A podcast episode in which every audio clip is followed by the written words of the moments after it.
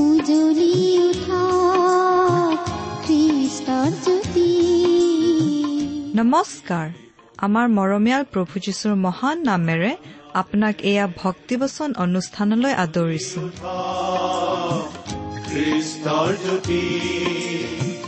আকাশ বতাহ মুখৰিত কৰি গাঁও সবে মিলি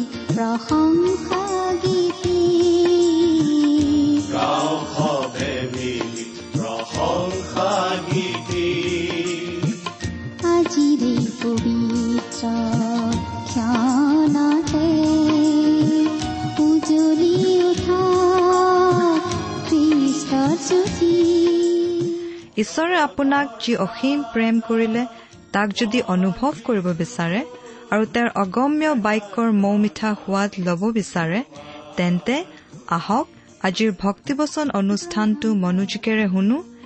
এয়া আপোনালৈ আগবঢ়াইছো ঈশ্বৰৰ জীৱন্ত বাক্যৰ অনুষ্ঠান ভক্তিবচন। আমাৰ মহান ত্ৰাণকৰ্তা প্ৰভু যীশুখ্ৰীষ্টৰ নামত নমস্কাৰ প্ৰিয় শ্ৰোতা। প্ৰথমতে আপোনাক ধন্যবাদ জনাইছো আমাৰ এই অনুষ্ঠানটো শুনি থকাৰ বাবে। এই বাইবেল অধ্যয়নৰ অনুষ্ঠান আমি অতি আগ্ৰহেৰে প্ৰস্তুত কৰো। আমাৰ শ্ৰোতাসকলৰ সহায় হওক বুলি।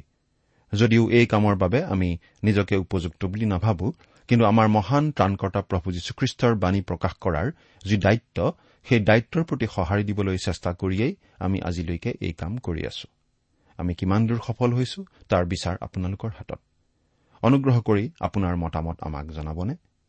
হাতত কাগজ কলম লৈ আমালৈ দুষাৰিমান লিখি পঠিয়াওকচোন। আপোনাৰ পৰা অহা চিঠি এখনেই যে আমাক কিমান উৎসাহ যোগায় সেই কথা আমি বুজাই দিব নোৱাৰো। গতিকে প্ৰিয় শ্ৰোতা আজিয়ে দুষাৰিমান লিখি পঠিয়াওকচোন। আমাৰ ঠিকনা ভক্তিবচন টি ডব্লিউ আৰ ইণ্ডিয়া ডাক বাকচ নম্বৰ সাত শূন্য গুৱাহাটী সাত আঠ এক শূন্য শূন্য এক। ভক্তিবচন T W R India postbox number seventy Guwahati seven eight one zero' zero' one. আমাৰ website W W W dot radio' eight eight two dot com প্ৰিয় শ্ৰোতা আমি আজি কিছুদিনৰ পৰা বাইবেলৰ পুৰণি নিয়ম খণ্ডৰ আমোচ ভাৱবাদীৰ পুস্তক নামৰ পুস্তকখন অধ্যয়ন কৰি আছো। নহয়নে বাৰু? এই আমোচ ভাৱবাদীৰ পুস্তকৰ দুই নম্বৰ অধ্যায়ৰ বাৰ নম্বৰ পদৰ পৰা তিনি নম্বৰ অধ্যায়ৰ দুই নম্বৰ পদলৈকে আমি আমাৰ আগৰটো অনুষ্ঠানত ইতিমধ্যে অধ্যয়ন কৰিলো। গতিকে আজিৰ অধ্যয়নত আমি চাবলৈ ওলাইছো আমোচ ভাৱবাদীৰ পুস্তকৰ তিনি নম্বৰ অধ্যায়ৰ তিনি নম্বৰ পদৰ পৰা অধ্যায়টোৰ শেষ পদ অৰ্থাৎ পোন্ধৰ নম্বৰ পদলৈকে। আহক তাৰ আগতে খন্তেক প্ৰাৰ্থনাত মূৰ দুৱাওঁ হওক। হে সৰ্ব সৃষ্টিৰ সৃষ্টিকৰ্তা সৰ্বশক্তিমন্ত ঈশ্বৰ আপুনি অনাদি কালৰে পৰা অনন্ত কাললৈকে স্থায়ী ঈশ্বৰ। আপোনাৰ কোনো আদি নাই আৰু আপোনাৰ কোনো অন্ত নাই। আপুনি অব্ৰাহামৰ ঈশ্বৰ আপুনি ইছাকৰ ঈশ্বৰ আপুনি জাকুবৰ ঈশ্বৰ। আপোনাৰ গৌৰৱ হওক আপোনাৰ প্ৰশংসা হওক আৰু আপোনাৰ মান আৰু সমাদৰ হওক। নিতে নিতে আপোনাৰ পবিত্ৰ আৰু মহান নাম পূজ্য হওক। সৰগৰ দৰে এই মৰততো আপোনাৰ ইচ্ছা পূৰ্ণ হওক। জগতৰ সকলো ঠাইতে আৰু শাসন বিৰাজ হওক। হে ঈশ্বৰ আপোনাত শৰণাগত হবৰ দিন ধৰি আজি পৰিমিত আপুনি আমাৰ বাসস্থান হৈ আহিছে। আপুনিয়েই আমাৰ আশাৰ ভূমি হৈ আহিছে। এই সকলোৰ নিমিত্তে আপোনাৰ পবিত্ৰ নামৰ ধন্যবাদ কৰো। হে প্ৰভু এতিয়া আপোনাৰ চৰণত প্ৰাৰ্থনা কৰো। আপুনি আপোনাৰ জীৱনদায়ক বচন শ্ৰৱণ কৰোতাসকলৰ আগত আপোনাৰ কৰ্ম সিদ্ধ কৰক। আপোনাৰ অনন্ত জীৱনৰ অধিকাৰী হবলৈ আপুনি তেওঁলোকক আশীৰ্বাদ কৰক। হয় প্ৰভু আপোনাৰ অনন্ত জীৱনৰ বাণী শুনি আৰু বুজি যিসকল শ্ৰোতাই আপোনাত বিশ্বাস স্থাপন কৰে সেই আটাই লোককেই আপোনাৰ সন্তান হবলৈ আপুনি আশীৰ্বাদ কৰক। প্ৰাৰ্থনা অৰ্পণ কৰিছো পৰিত্ৰাতা প্ৰভু যীশুৰ নামত। আমেন।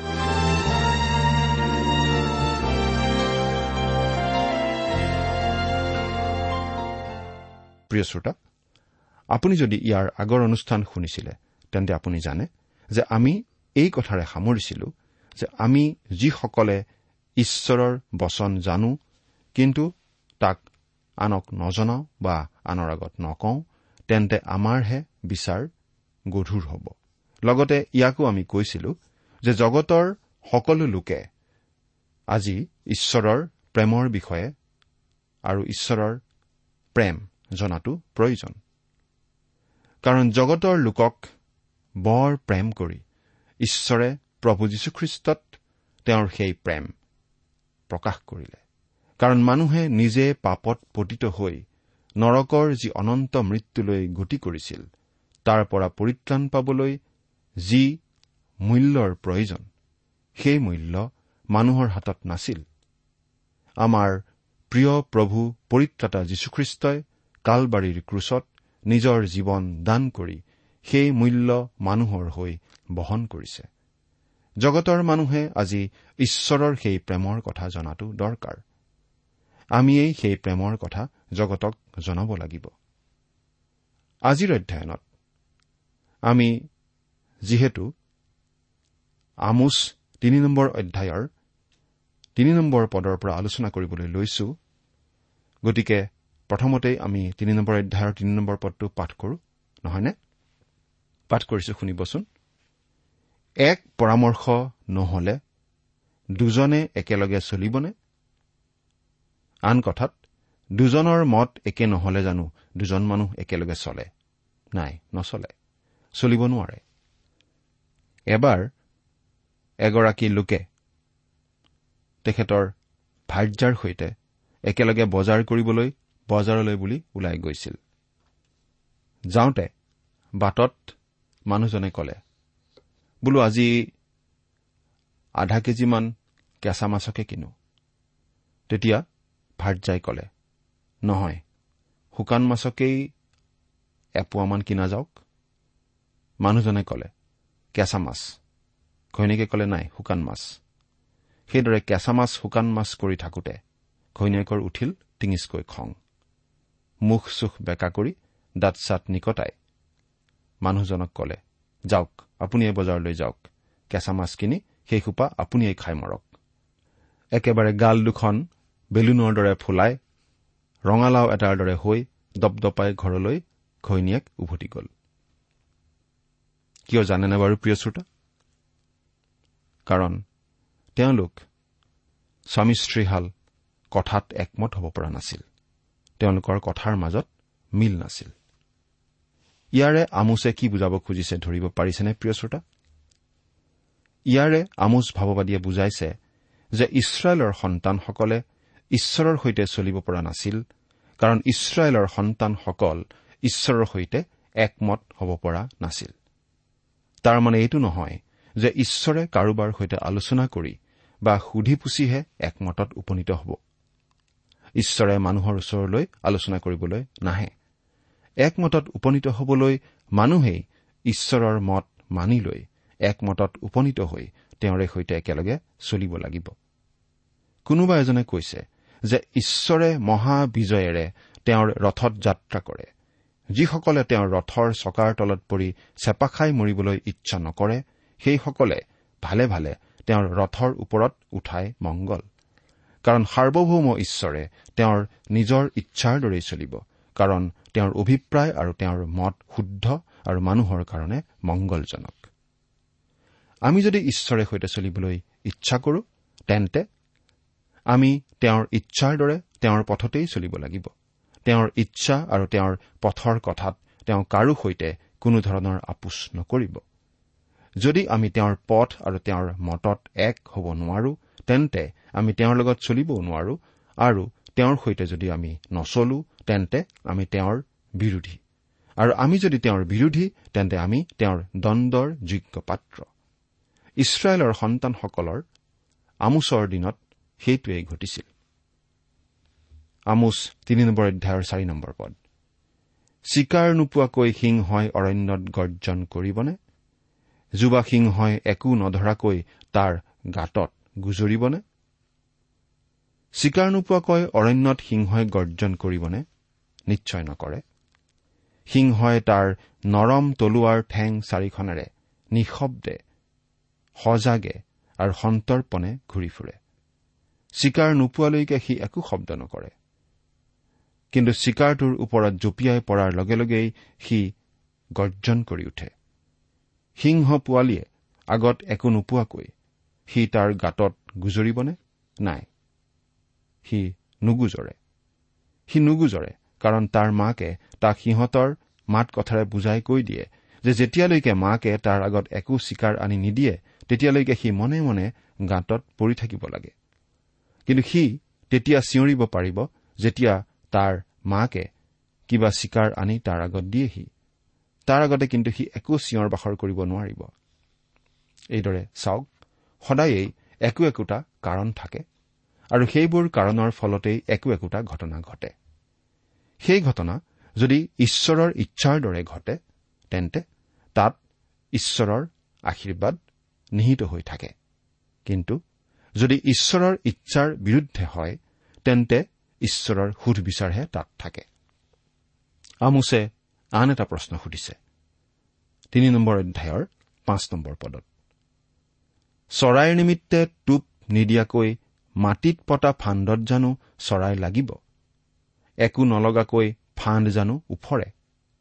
টোপ হৈছে চৰাইক ফাণ্ডত পেলোৱাৰ লোভনীয় আকৰ্ষণ। টোপ নিদিয়া কোনো ফাণ্ডতে চৰাই নপৰে।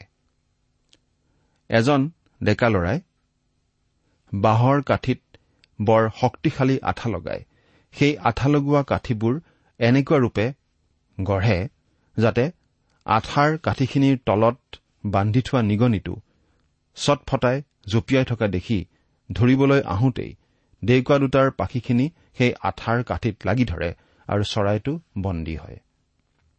এনেদৰে সেই ডেকাজনে চৰাই ধৰিছিল। ইয়াতো চাওক সেই টোপটো হ'ল এটা কাৰণ। চৰাই ফাণ্ডত বন্দী হোৱাটো হ'ল এটা ফল। অৰ্থাৎ সেই টোপটোৰ কাৰণেই চৰাইটো সেই ফাণ্ডত বন্দী হয়।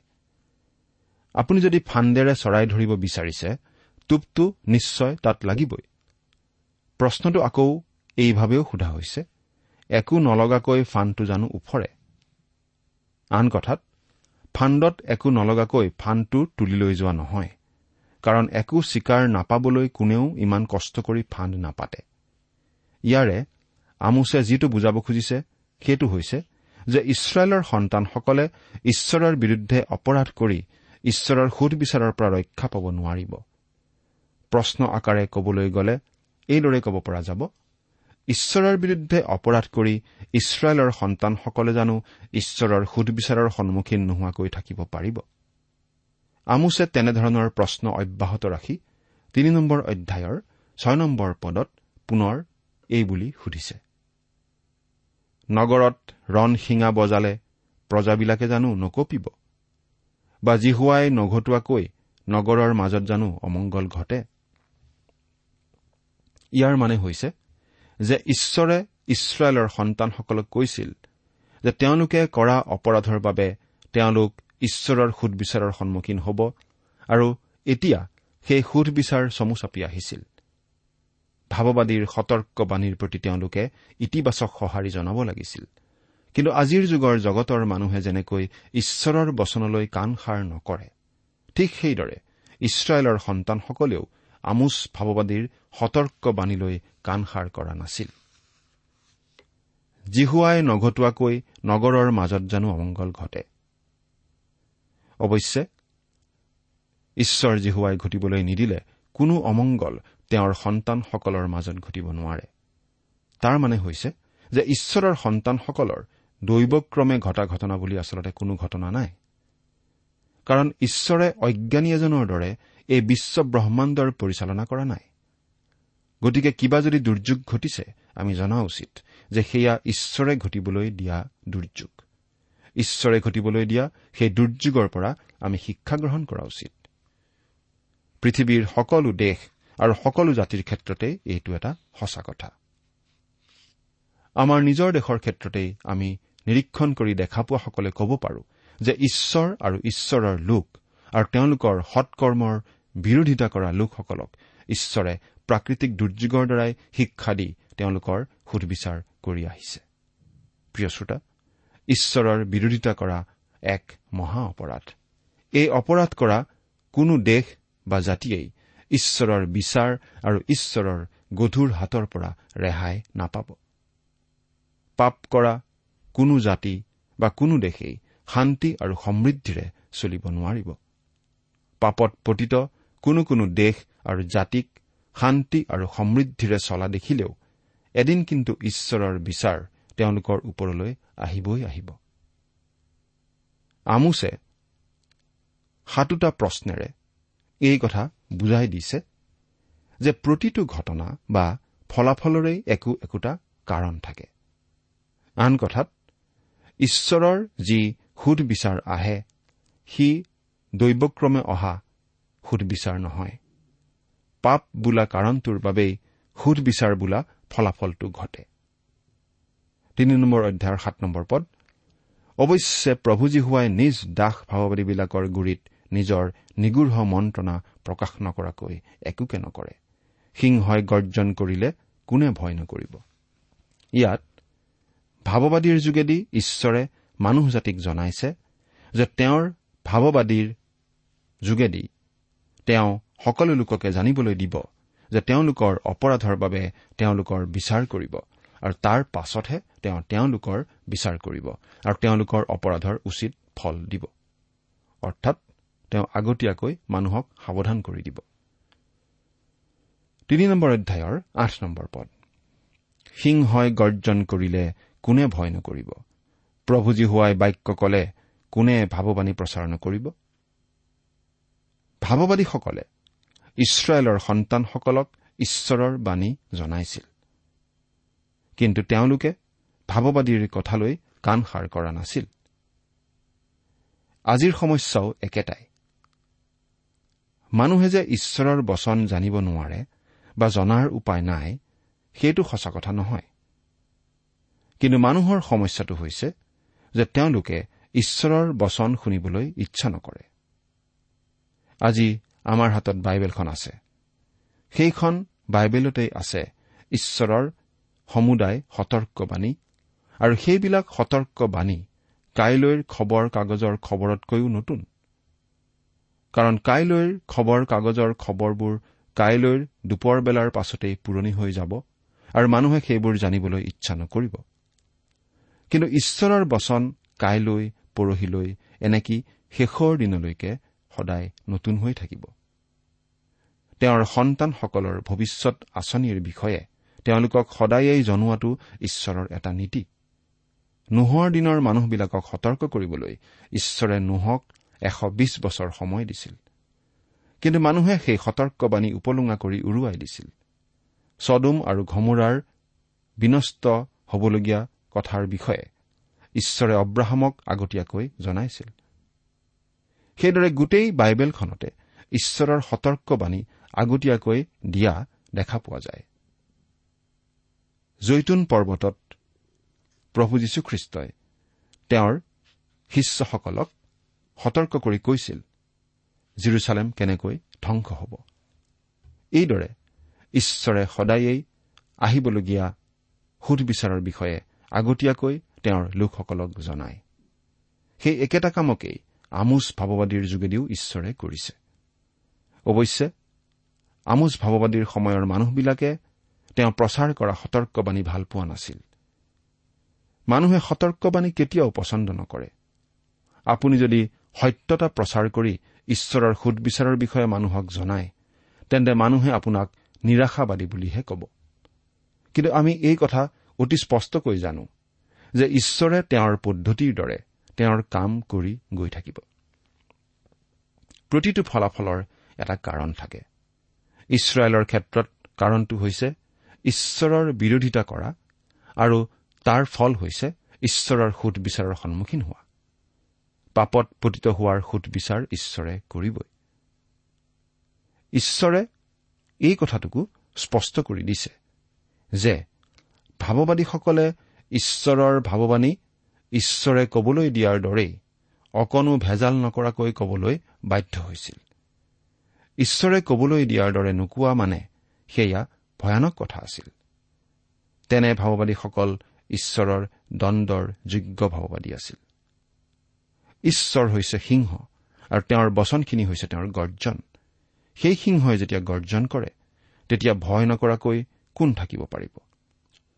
কিন্তু দুখৰ কথা যে উদাৰপন্থী বাইবেল শিক্ষকসকলে ঈশ্বৰৰ বচনখিনি ঈশ্বৰৰ বচন হিচাপে গ্ৰহণ কৰিবই নোখোজে। সিংহৰ গৰ্জনলৈ তেওঁলোকে ভয় নকৰে কাৰণ সিংহৰ গৰ্জনৰ ভয়াৱহতা তেওঁলোকে বুজি নাপায়। সেইকাৰণেই তেওঁলোকে নিজৰ ভৱিষ্যতৰ বিপদ নিজেই চপাই লৈছে। উদাৰপন্থী হৈ তেওঁলোকে শেষৰ ফালে বৰ আকাশ কুসুম আশা কৰিছে। ঈশ্বৰৰ কোনো সুধবিচাৰ বা দণ্ড তেওঁলোকে নুই কৰিছে। কিন্তু আমি এতিয়া নিজৰ মৰ্ত চকুৰে যি দেখিছো তাৰে কিন্তু মানুহৰ অৱস্থা বেয়াৰ পৰা অধিকতৰ বেয়া হোৱাহে দেখিবলৈ পাইছো। পাপ থাকিলে একো ভাল আশা কৰিব নোৱাৰি। আমোচ তিনি নম্বৰ অধ্যায়ৰ ন নম্বৰ পদ এতিয়া পাঠ কৰি দিম। তোমালোকে অজদুদত আৰু মিছৰ দেশত থকা অট্টালিকাবোৰৰ ওপৰৰ পৰা প্ৰচাৰ কৰি কোৱা যে তোমালোকে চমৰীয়াৰ পৰ্বতবোৰৰ ওপৰত গোট খোৱা। আৰু তাত কিমান মহান কোলাহল হৈছে আৰু তাৰ মাজত কেনেকুৱা অত্যাচাৰ হৈছে চোৱা। অজদুদ পলেষ্টিয়া দেশত এতিয়াও আছে। আৰু আমি এই অজদুদৰ বিষয়ে লিখি থাকোতে অজদুদ ইছৰাইল দেশৰ অধীনত আছে। ইয়াৰ কোনো কোনো বাসিন্দাই ওখ ওখ পকা ঘৰ সাজিছে। নগৰখনলৈ পাইপলাইনেৰে তেল আনি শোধনাগাৰ এটাও নিৰ্মাণ কৰা হৈছে। এইবোৰ দেখি শুনি বহু বাইবেল শিক্ষক আৰু শিক্ষাৰ্থীসকলে ক'ব খোজে যে অজদুদৰ ক্ষেত্ৰত দিয়া ভাৱবাণী সিদ্ধ হৈছে। কিন্তু আমি ক'ব লাগিব যে এইটো এতিয়াও সিদ্ধ হোৱা নাই। অৱশ্যে সিদ্ধ হবৰ দিশত আগবাঢ়ি গৈ আছে। কেৱল অজদুদৰ পকা ঘৰবোৰৰ ওপৰৰ পৰাই নহয় কিন্তু মিছৰ দেশত থকা পকা ঘৰবোৰৰ ছাদৰ পৰাও ঈশ্বৰৰ সেই ভাৱবাণী ঘোষণা কৰিব লাগে। মিছৰীয়াসকলৰ বাবেও যি ভাৱবাণী ইছৰাইলৰ সন্তানসকলক দিয়া হৈছিল। তাৰ পাছত চমৰীয়াৰ পৰ্বতবোৰৰ ওপৰত গোট খাবলৈ আহান জনাই তাৰ পৰা চাবলৈ কোৱা হৈছে কেনেকৈ ধনীবিলাকৰ অত্যাচাৰত দৰিদ্ৰবিলাকে কোলাহলৰ সৃষ্টি কৰিছিল। সেই অত্যাচাৰ পলেষ্টিয়া আৰু মিছৰীয়াসকলেও দেখি ইছৰাইলৰ সন্তানসকলক গৰিহণা দিছিল। ঈশ্বৰক নজনা পৰজাতীয় পলেষ্টিয়া আৰু মিছৰীয়াসকলেই যদি তেওঁলোকক গৰিহণা দিবলগীয়া হৈছিল তেন্তে পবিত্ৰ ঈশ্বৰে গৰিহণা নিদিব কিয়? কিন্তু এইটো ঠিক যে ঈশ্বৰে কেৱল গৰিহণা দিয়াতেই ক্ষন্ত নাথাকে। ন্যায় বিচাৰ কৰি তেওঁ অন্যায় আৰু পাপ অপৰাধৰ প্ৰতিকাৰ সাধিবই। এতিয়া তিনি নম্বৰ অধ্যায়ৰ দহ নম্বৰ পদ। কিয়নো জিহুৱাই কৈছে তেওঁবিলাকে ন্যায় কাৰ্য কৰিব নাজানে। তেওঁবিলাকে অত্যাচাৰ আৰু অপহৰণ কৰি পোৱা ধন নিজৰ অট্টালিকাবোৰত সাঁচি থৈছে। ইছৰাইলৰ সন্তানসকলৰ বলিবিলাক কিমান জঘন্যভাৱে পাপিষ্ট আছিল ইয়াৰেই তাক জানিব পাৰি। এঘাৰ নম্বৰ পদ। এই হেতুকে প্ৰভুজী হোৱাই এই কথা কৈছে কোনো এজন শত্ৰুৱে দেশ বেৰি ধৰিব তোমাৰ পৰা তোমাৰ বল পেলাই দিব আৰু তোমাৰ অট্টালিকাবোৰ লুট কৰা হ'ব। বাস্তৱিকতে প্ৰিয় শ্ৰোতা আজি চমৰীয়া নগৰখনৰ ধ্বংসস্তূপ মাথোন দেখা পোৱা যায়। অৰ্থাৎ এই ভাৱবাণী আখৰে আখৰে ফলিয়ালে। বাৰ নম্বৰ পদ। জিহুৱাই এই কথা কৈছে মেৰ ৰখীয়াই সিংহৰ মুখৰ পৰা ভেড়াৰ দুটা ঠেং বা কাণৰ এডোখৰ এৰুৱাই অনাৰ দৰে চমৰীয়াত শস্যাৰ চুকত আৰু আসনত পাৰি দিয়া দলিচাত বহা ইছৰাইলৰ সন্তানবিলাকক উদ্ধাৰ কৰা হ'ব। ইয়াৰ অৰ্থটো হৈছে যে ঈশ্বৰে চমৰীয়াৰ ওপৰত সুদবিচাৰ কৰাৰ পাছত যি ভগ্নাৱশেষ ৰৈ গৈছিল সেইখিনি সিংহই খোৱা ভেড়া এটাৰ অৱশিষ্ট থকা ঠেং দুটা আৰু কাণ এখনৰ নিচিনা। এইদৰে চমৰীয়াৰ ওপৰত সুদবিচাৰ ভাৰী হৈছিল কাৰণ ই স্বৰ্গীয় পোহৰ লাভ কৰা নগৰ আছিল আৰু তাৰ ফলত চমৰীয়াৰ দায়িত্ব দুগুণ আছিল। তেৰ আৰু চৈধ্য নম্বৰ পদ। বাহিনীবিলাকৰ প্ৰভুজী হোৱাই কৈছে তোমালোকে শুনা আৰু জাকুবৰ বংশৰ বিৰুদ্ধে সাক্ষ্য দিয়া। কিয়নো যিদিনা মই ইছৰাইলক তাৰ অপৰাধৰ প্ৰতিফল দিম আৰু বেদীৰ শিংবোৰ কাটি মাটিত পেলোৱা হ'ব। অৰ্থাৎ ঈশ্বৰে বৈত এলৰ সোণৰ দামৰিটো দূৰ কৰি সেই ঘীনলগীয়া কাৰ্য তাৰ পৰা আঁতৰ কৰিব। পোন্ধৰ পদ। আৰু মই জাৰ কালৰ ঘৰে সৈতে ঘাম কালৰ ঘৰ ভাঙিম আৰু জিহুৱাই কৈছে হাতীদাঁতৰ ঘৰবোৰ নষ্ট হ'ব আৰু বৰ বৰ ঘৰ নাইকিয়া হ'ব। আহব ৰজা আৰু ইজেবলে চমৰীয়াত হাতীদাঁতৰ ৰাজ অট্টালিকা সাজিবৰ চৌখিন জীৱন ধাৰণ কৰিছিল। শত্ৰুৱে হাতীদাঁত খহাই লৈ গৈছিল আৰু চমৰীয়াৰ ৰাজ অট্টালিকা ধ্বংস কৰি মাটিৰ সমান কৰি থৈ গৈছিল। সেইদৰেই আমোচ ভাৱবাদীৰ ভাৱবাণী সিদ্ধ হৈছিল। যিখিনি হবলৈ বাকী আছে সেইখিনিও এদিন সিদ্ধ হ'ব। ঈশ্বৰৰ বাক্য কেতিয়াও অথলে নাযায়। ঈশ্বৰ আপোনাৰ সহায় হওক। আমেন।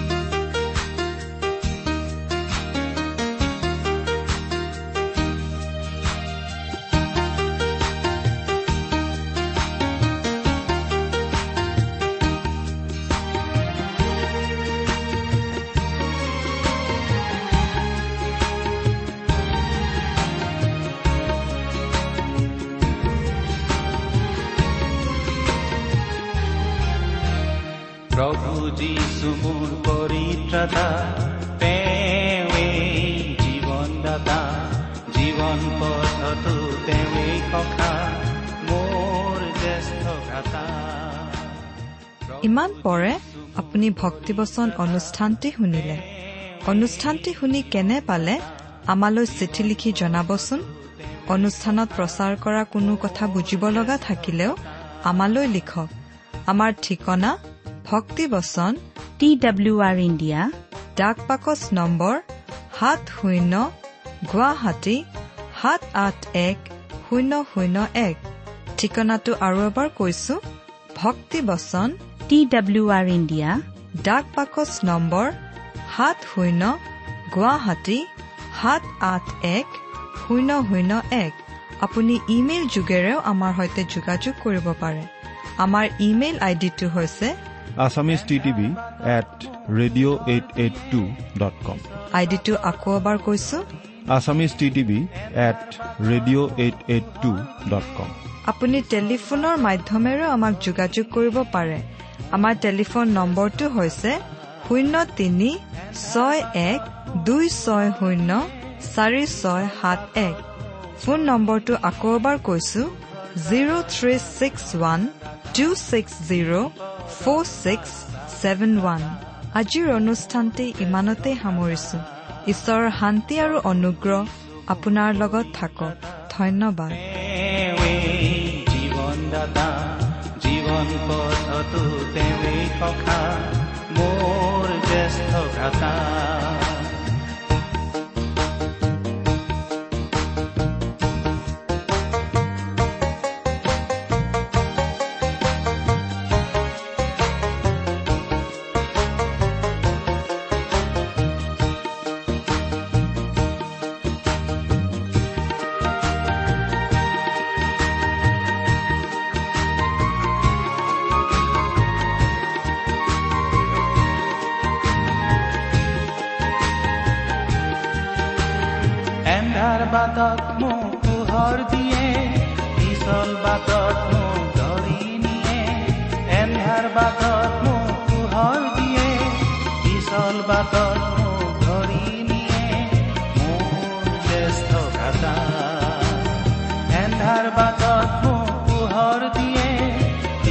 salvador